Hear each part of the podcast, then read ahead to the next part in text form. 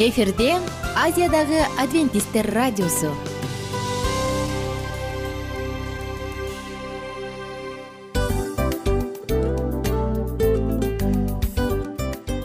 Достор салют.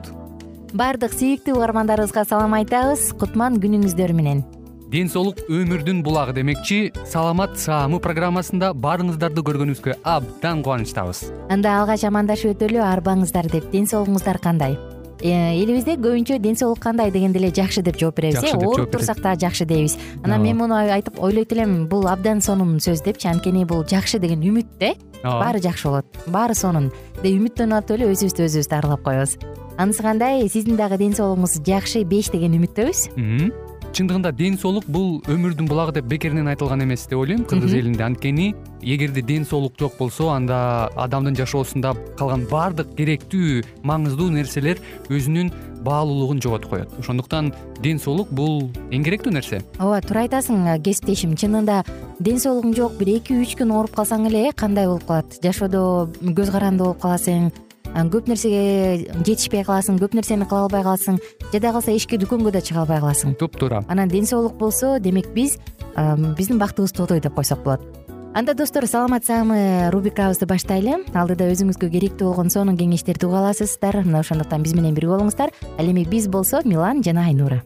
Кеттик алга. Алга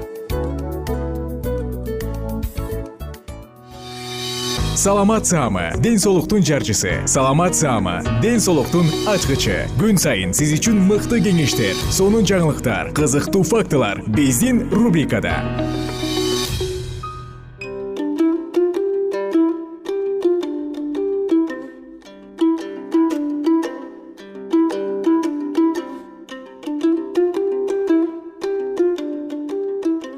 саламатсыздарбы кымбаттуу радио угармандарыбыз. Кайрадан эле сиздердин назарыңыздарда ден соолуктун ачкычтары программасы.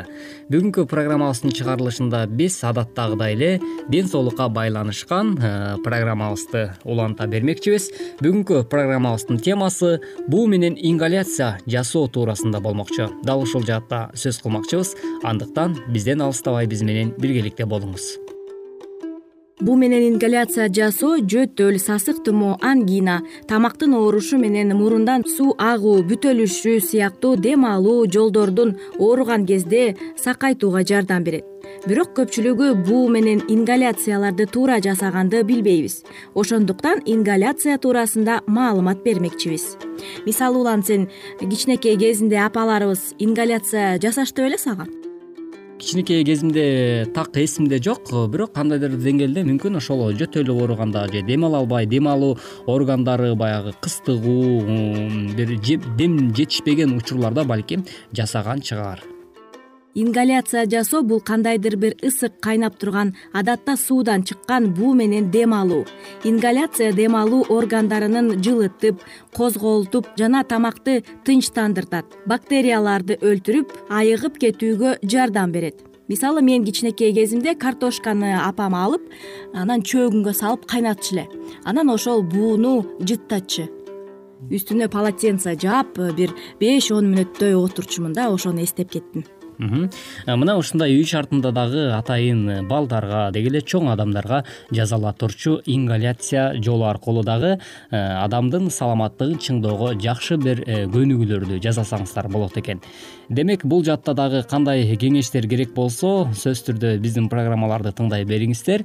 Ал эми биз болсо дагы алдыдагы берүүбүздө ушул туурасындагы кеңеш кептер менен сиздер менен бөлүшө бермекчибиз эң биринчиден буу менен ингаляцияны дене табы көтөрүлүп турганда жасоого болбой тургандыгын эскертүү керек. Дене табы отуз жети градусту көрсөтүп турса да жасалган ысык ингаляция биз үчүн кооптуу болот. Ошондой эле бул ингаляцияны балдарга дарыгердин кеңеши менен жасаңыз. Балдардын териси менен ички мүчөлөрү назик болгондуктан жогорку температура ички органдарды күйдүрүп жиберет ооба сөзсүз түрдө бул жаатта дагы адис менен кеңешүү албетте зарыл экен. Андыктан э, жогоруда биз айткандай эле үй шартында жазоонун алдында дагы эң биринчиден адиске кеңешип кайрылып андан э, консультация алган соң андан соң келип анан э, канча мүнөт убакыт аралыгында жасаш керек анын эрежелери кандай ушул туурасында толук маалыматка ээ болгон соң анан жасап баштасаңыз абдан жакшы мыкты натыйжасын берет экен мисалы ингаляцияны кантип жасайм деп ойлонсоңуз анда сиз ингаляцияны негизги картошкадан жасаса болот. Ал үчүн сууну кайнатып картошка бышырасыз үстүңүзгө сүлгү менен жаап ошол дем менен дем алып жыйырма мүнөт олтурасыз. Мына ушундай э, ыкмаларды колдонуу аркылуу дагы өзүңүздүн саламаттыгыңызды кандайдыр бир өнөкөт оорулардан илдеттерден алдын алганга чоң жардамын тийгизет экен жана ошол эле учурда э, өзүңүздүн саламаттыгыңызды дагы чыңдаганга жардам берет экенсиз. Мисалга мындан сырткары жөнөкөй э, кайнаган суу менен ингаляция жасоо да болот.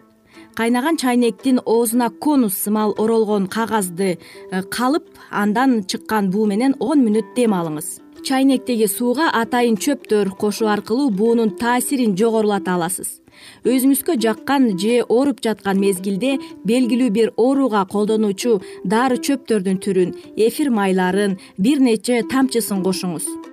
Ооба ушундай эле ыкмаларды колдонуу аркылуу дагы жогоруда кесиптешим айтып өткөндөй эле эфир майлары жана башка ошол атайын өсүмдүк э, азыктарды майларды жана чөптөрдү колдонуу аркылуу дагы буу ыкмасы менен дагы өзүңүзгө ингаляция жасай турган болсоңуз бул дагы жакшы мыкты натыйжаларын бере бермекчи албетте биз ооруганда дароо эле э, дарыканага чуркап дары албастан ушундай э, жөнөкөй ыкмалар менен колдонсок э, бизге акчабыз да чөнтөгүбүздө калат. Анан денебизге дагы эч кандай зыян келбейт чындап эле дарыканаларга чуркап эле антибиотик ар кандай ушул э, химиялык жолдор менен жасалган э, дары дармекти ичүүнүн ордуна тескерисинче э, бул ыкмаларды дагы колдонгон болсоңуз табигый түрдөгү жол менен даярдалуучу чөптөрдү көбүрөөк колдонсок анда сиздин саламаттыгыңызга эң жакшы бир жардамын тийгизет. Башкача айтканда дартыңызга даба болот албетте жана чайнектеги сууга атайын чөптөр кошуу аркылуу буунун таасирин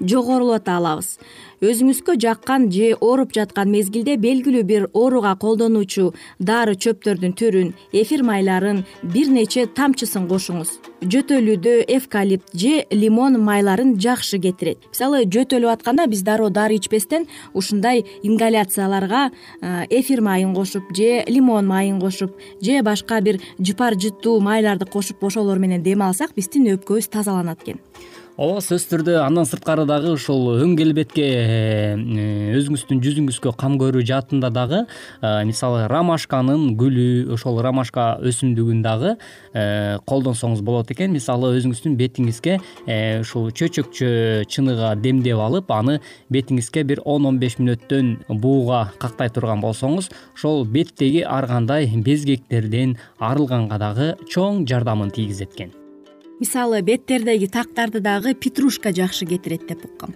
Мына ушундай көнүгүүлөрдү дагы сөзсүз түрдө жашооңузда колдонсоңуз анда табигый түрдөгү өсүмдүк майлары жогоруда биз айткандай эле чөптөр абдан жакшы ден соолукка өзүнүн мыкты натыйжасын ыйгарат экен мисалга эгер мурунуңуздан агып суу бүтөлүп жатса мурунуңуз анда мурунуңуз менен дем алыш керек экен ингаляция жасап атканда э, тескерисинче тамагыңыз ооруп жатса анда ооз менен терең шашпай дем алып турсаңыз бул аябай сонун өзүнүн натыйжасын берет экен албетте мындан сырткары дагы э, ушул кандайдыр бир аллергия ооруларуна чалдыгып мүмкүн тамактын кычышуусун э, же болбосо ошол жогоруда кесиптешим айткандай эле мурундун бүтүү абалы болуп турган учурда дагы жөнөкөй эле табигый түрдөгү күнүмдүк ашканадагы тузду дагы колдонсоңуз болот экен. Ал эми кымбаттуу угармандар бүгүнкү берүүбүздө дагы ушул ингаляция жолу менен дарылануунун дагы кандайдыр бир касиеттүүлүгү туурасындагы маекке күбө боло алдыңыздар. Кийинки берүүбүздө дагы биз сиздерге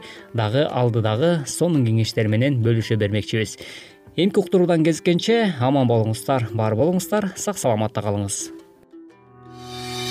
Саламат саама ден соолуктун жарчысы. Саламат саама ден соолуктун ачкычы. Күн сайын сиз үчүн мыкты кеңештер сонун жаңылыктар кызыктуу фактылар биздин рубрикада.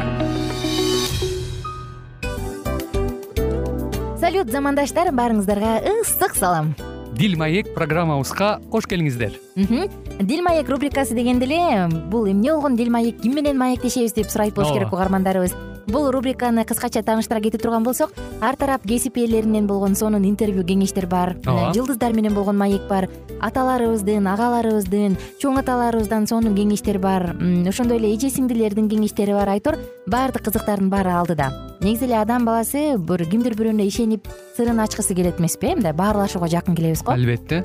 Негизи бир жерге отуруп алып кенен шашпай баягы жүрөктөн жүрөккө ачып сырларыбызды ар кандай көйгөйлөрүбүз менен бөлүшүп баягы чын жүрөктөн маек курганды кимибиз сүйбөйбүз э? Ооба десең ал нерсеге суусап да келебиз да? Ооба кээ бирде адамга чындыгында баягы э, ысык маек баягы жылуу маек жетишпейт да. Ошондуктан биз ушул рубриканы ойлоп тапканыбызда эң биринчи эле достор сиздер менен чын жүрөктөн бир маңыздуу темаларды козгоп кеткени Э, кааладык. Ошондуктан ушундай сонун бир рубриканы тартуулап жатабыз. Анын үстүнө радио дагы сонун дос да анткени э, мындай учурда досуңа айтсаң досуң досуна айтат досу досуна айтат да анан бүт өлкө билип калышы мүмкүн го.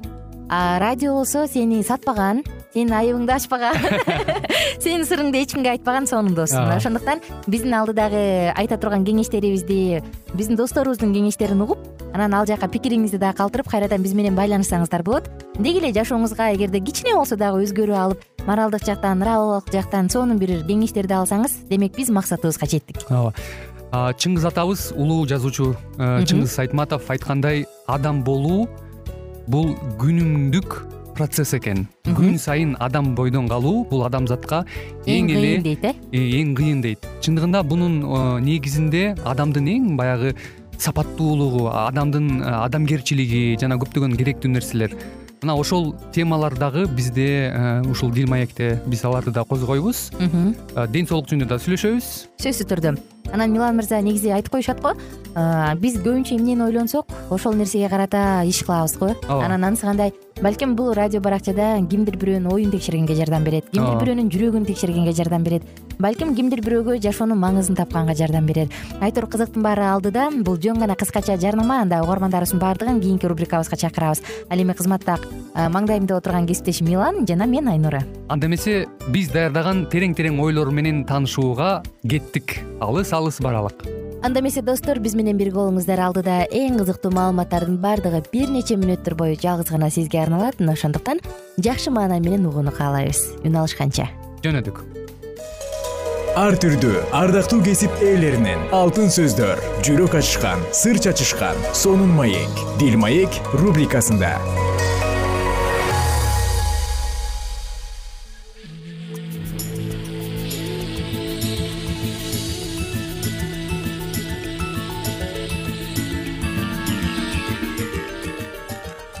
амансыздарбы ардактуу радио каармандарыбыз. Кайрадан сиздердин назарыңыздарда биздин ободо жаңырып жаткан кыргызстанга саякат аттуу программабызды баштамакчыбыз. Бүгүнкү программабыздын чыгарылышында кыргызыбыздын бермети болуп эсептелген ысык көл областына караштуу ажайып бир керемет жерге айланган жылуу булак айылындагы жопая жылуу суусу же кызыл таштын жылуу суусу туурасында сөз кылмакчыбыз. Анда эмесе биздин толкундан алыстабай дал ушул мүнөттөрдө биз менен биргеликте кала бериңиздер бузучук минералдуу суусу жөнүндө сөз кылабыз. Кыргызстанда саякат программасынын алкагында бүгүн ушул үч жерге саякат кылабыз. Анда эмесе кеттик. Кышкысын жылуу жайкысын муздак суу аккан булактан улам аты аталган жылуу булак түп районунан отуз чакырым алыстыкта жайгашкан. Айыл тургуну талапкер кошкеевдин айтымында айылда жер алдынан оргуштап чыккан кайнар булагы бар булактын суусу кышкысын жылуу ал эми жайкысын муздак болуп акчу. Алгач бул айыл токойдун атынан улам тегиз деп аталган. Бир миң тогуз жүз жыйырма төртүнчү жылы элдер отурукташып калгандан кийин жылуу булак деп аталып калган. Айылдагы алгачкы болуп жакыпбек кошкеев болгон. Ал казак кыргыз жыйынына делегаты болуп барган. Айыл эли жер алдынан чыккан жылуу суу менен сыймыктанышат мындан тышкары айылда тешик таш деп аталган дагы бир ыйык жер бар дешет. Жергиликтүү тургундардын айтымында бул жактагы тешик таштын дагы өзүнчө сыры бар. Айрымдар бул ташты мазар деп атап алышат жана зыярат кылып келишет. Ал эми кээ бир тургундардын айтымында тешик таш манас баатырдын учурунда пайда болгон. Анткени балбандар жоодон сактануу максатында таштын бетин оюп салышкан деген пикирлер айтылат жылуу булак айылынан ысык көлдүн жети акенин бири карач аке бешинчи баатырдын бири өмүр баатыр чыккан. Алардын айкелдери айылга эки миң онунчу жылы тургузулуп айылдагы мектеп өмүр баатырдын ысымынан аталган. Карач аке эл жерди коргоодогу эрдиги жана көсөмдүгү акылдуулугу менен аке аталган. Жопая жылуу суусу же кызыл таш жылуу суусу. Дөң арык айылы жопая жылуу суусу жердин алдынан чыккан ысык суу баткен шаарынан сох дарыясынан бойлой түштүк тоо тарапка кырк элүү километрди түзөт. Жолу таштак транспорт каражаты менен барса болот. Андан ары машина менен баруучу жол жок. Даарылануучу жай жар четинде болуп дайра жүз жүз жыйырма метр төмөндө калат. Дары суулар ошол дарыянын боюнда. Үч жерден чыгып турат кышкысын үчөөнүнтен тең пайдасы болот. Ал эми жайында суу киргенде экөөсү суу астында калып бирөөсүнүн айланасы бетондолуп дары суу ошол жерден жогору жака насос менен чыгарылат. Ошол жерде адамдар жатып даарыланышкан бул жердин суусу москвадагы минералогия институту тарабынан бир миң тогуз жүз жетимиш алтынчы жылы изилденип курамында өтө көп минералдардын баардыгы аныкталып даарылык касиети жагынан союздан башка региондордо дары суулардан бир топ күчтүү деп белгиленген. Бул жердеги жылуу суунун даарылык касиети жогору болгондуктан эл өтө эле көп келип кан чыгарып куран окутуп кой союп сыйынып анан даарыланып дагы турушкан. Бул жерге коңшу мамлекеттерден тажикстан өзбекстан казакстан өлкөлөрүнөн дагы көптөгөн адамдар келип турушкан көбүн эсе муун тери ашказан бөйрөк жыныс органдарынан жапа чеккендер келип шыба таап кетишет. Айыкпас делинип келген теринин актак пес оорусу менен жапа чеккендер көп келишет. Мындан сырткары дагы жылуу суунун озеки тарыхы. Мезгилинде келгендерге акыл насаатын айтып тазалыкка үндөп отурган шыгайы болгон бирок атеизмдин колу ал жерге да жетип дары суу каралбай калган. Союз мезгилинде совхоздун эсебинен ал жерге профилактория салынып атайын ванналар орнотулуп дарыланууга бир топ ыңгайлуу шарт түзүлгөн. Бул жерде илинген такталарда иликтөөлөрдүн тыянагы жазылып турат. Бирок эки миңинчи жылдагы сакалчандардын басып кирүүсүнөн кийин ал жер чек ара заставасы болуп калды. Бирок адамдар барып зыярат кылып турушат бозучук минералдуу суусу дарыланууга жардамдуу. Ысык суу булактары. Ысык көл облусунун ак суу районунда каракол шаарынын отуз километр чыгыш тарапта тескей ала тоонун түндүк капталындагы бозучук суусунун өрөөнүндө деңиз деңгээлинин эки миң эки жүз метр бийиктикте жайгашкан. Суу жергиликтүү элге илгертеден белгилүү. Булак борбордук бөлүгү граниттерден түзүлгөн антиклинорийдин түндүк капталындагы тектоникалык жарака аркылуу жер бетине чыгат. Булактардын химиялык курамы физикалык касиети боюнча аз минералдашкан. Азоту токсон тогуз процент. Сульфат хлорид натрий кальцийдүү аралаш сууларына кирет. Суунун температурасы жыйырма сегиз отуз градус цельсийди түзөт. Тузсуз жана даамсыз бир аз күкүрттүү суутек жыттанат. Курамында литий стронций жана башкалар бар. Суудагы биологиялык активдүү компоненттер эркин түрүндөгү кремний кислотасы жана радон бар. Дарычылык касиети боюнча белгилүү кулдур хабаров крайы минералдуу суусуна окшош. Суу менен муун таяныч органдарын нерв ашказан тери жана гинекология ооруларынан дарылоого болот. Жергиликтүү эл пайдаланышат мына ушентип кымбаттуу угармандарыбыз бүгүнкү уктуруубузда дагы сиздер кыргызстанга саякат аттуу программабызда. Биздин мекенибизде жайгашкан эң сонун кереметтүү касиеттүү жерлердин бири болгон жулуу булак туурасында дагы э, маалыматка ээ болдук. Бүгүнкү берүүбүзгө э, кулак төшөгөнүңүздөр үчүн ыраазычылык билгизүү менен биргеликте бизге бөлүнгөн убактыбыз да өз соңуна келип жетти. Эмки берүүбүздөн дал ушул аба толкундан амандашканча сак саламатта болуңуздар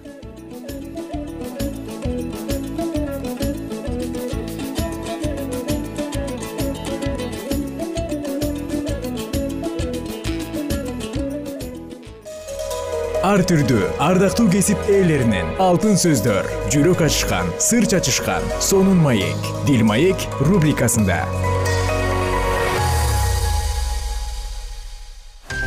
Жан дүйнөңдү байыткан жүрөгүңдү азыктанткан жашооңо маңыз тартуулаган жан азык рубрикасы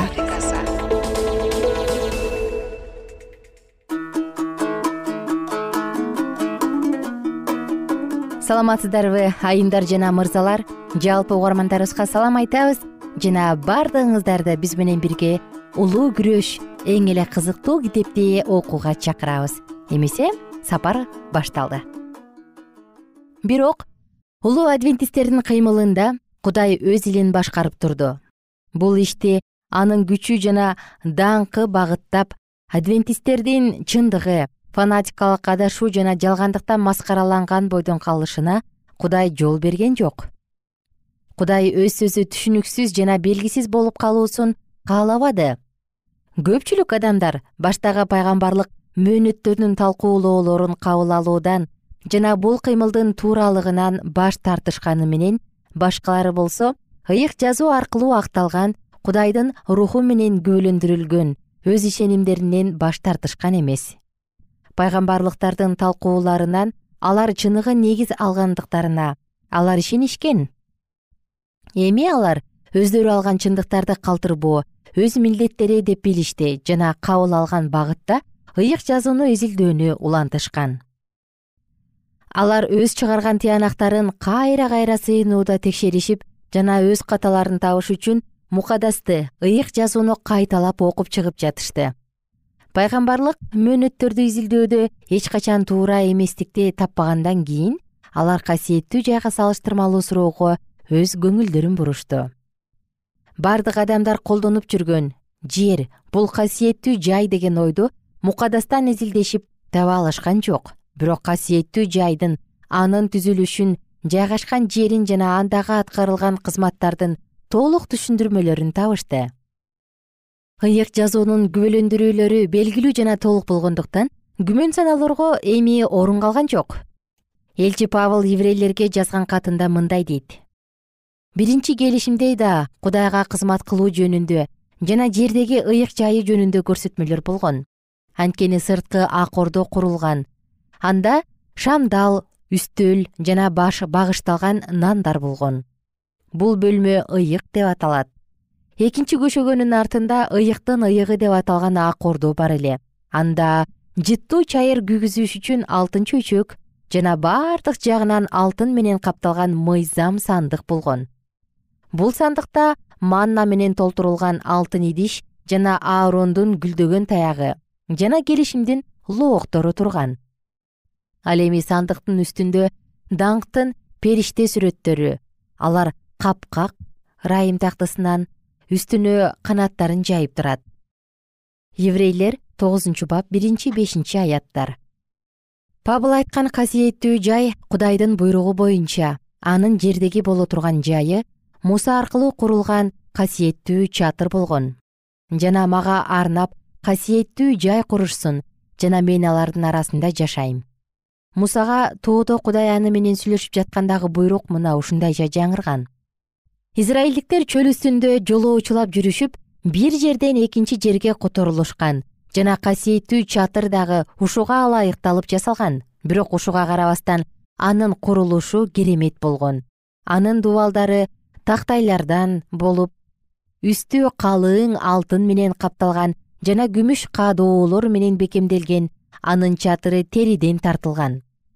Чатырдын үстүнө тартылган чатыр иштетилген кайыштан болуп анын ичи ичке жебектен периштелердин сүрөттөрү токулуп кооздолгон. Чатырдын алдында курмандык өрттөөчү жай ал эми касиеттүү чатыр эки бөлүккө бөлүнгөн ыйыктардын жана ыйыктардын ыйыгы бөлүгүнө. Алар көшөгө менен тосулуп ушундай эле көшөгө кире беришти жана биринчи бөлүктү дагы жаап турган. Биринчи бөлүмдө башкача айтканда ыйыктардын бөлүмүндө түштүк тарабында бөлмөнү күн да түн да жарык кылып турган жети шам салына турган шамдал турган. Жана түндүк тарабында арналган үстүндө нандар коюлган стол болгон. Ал эми ыйыктар менен ыйыктардын ыйыгын бөлүп турган көшөгөнүн алдында жыт түтөтүү үчүн арналган алтын курмандык жай турган. Ал жерден күнүнө жыттуу түтүн менен кошуп израилдин кудайга болгон сыйынуулары угулуп турду. Ыйыктардын ыйыгы бөлүгүндө кымбат жыгачтан жасалып сырты алтын менен капталган мыйзам сандык турган. Анын ичинде кудай өз колу менен жазып берген улуу мыйзамдагы он осуят жазылган эки таш лооктор бар эле. Мыйзам сандыктын үстүндөгү өтө кооз капкак ырайым тактасы деп аталган. Анын эки жагында периштелер түшүрүлгөн. Жана алар таза алтындан жасалган. Периштелердин ортосунда ырайым булутунун ичинен улуу дин башчыга кудайдын даңкы ачылып турган. Качан израиль эли канаан жерине жайгашканда бул касиеттүү чатырды сулайман пайгамбар салдырган ибадаткана менен алмаштырышкан. Бул таштан тургузулган өтө чоң жана кооз ибадаткана эле ал эми түзүлүшү баштагы чатырдын үлгүсү болгон. Ибадаткананын жетимишинчи жылы римдиктер аркылуу талкаланганга чейинки абалы мына ушундай болду. Албетте даниил пайгамбардын мезгилинде талкалангандыгын эске алганыбызда мукадас белгилегендей бул жер үстүндөгү тургузулган жалгыз гана ибадаткана болуп саналат. Элчи павыл биринчи келишимдеги касиеттүү жай деп атат. Ал эми жаңы осуятта касиеттүү жай жокпу. Ыйык жазууну изилденүүчүлөр кайрадан еврейлерге жазылган катка кайрылышып элчи павылдын сөздөрүнөн экинчи же жаңы осуяттагы касиеттүү жайдын бар экендигин көрүштү. Биринчи келишимде дагы кудайга кызмат кылуу жөнүндө жана жердеги ыйык жайы жөнүндө көрсөтмөлөр берилди. Дагы деген сөздөн пабыл башта деле ушул жөнүндө эскертип кеткендиги көрүнүп турат жана бул баптын алдындагы бапты окушуп алар бул сөздөрдү окушту биз айтып жаткандардын эң маанилүү бул. Асмандагы улуулук тактынын оң жагында отурган дин башчыбыз бар. Ал ыйык жерде адам эмес кудай жараткан чыныгы күбөлүк ортосунда кызмат кылат. Еврейлерге жазылган кат сегизинчи бап биринчи экинчи аяттар.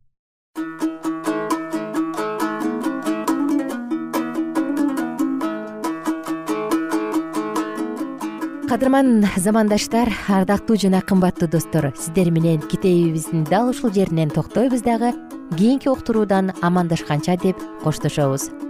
Күнүңүздөр көңүлдүү улансын маанайыңыздар дайым беш болсун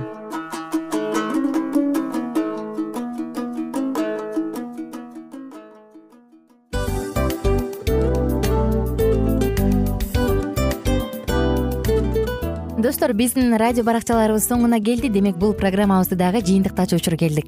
Учурга келдик. Анан кесиптешимден сурагым келип турат. Негизи эле иштин башталып атканы кубандырабы сени же жыйынтыгы кубандырабы албетте жыйынтыгы. Себеп дегенде сен кылган ишиңдин жыйынтыгын көрүп э, баягы мөмөсүн көрүп дегендей жыргайсың жүрөгүң жемишинен тартып э кандай даамдуу деп. Баягы буудай сепкенде эмес буудай эгинди жыйнагандан кийин ысык нанды жегенде кадимкидей ырахаттанасың го. Ой айтпа туура айта кеттиңиз. Сонун салыштыруу болду анан мен дагы абдан кубанып турам. Анткени биз угармандарыбыз үчүн аябай эмгектенип келген уктуруубуздун соңуна келип калдык.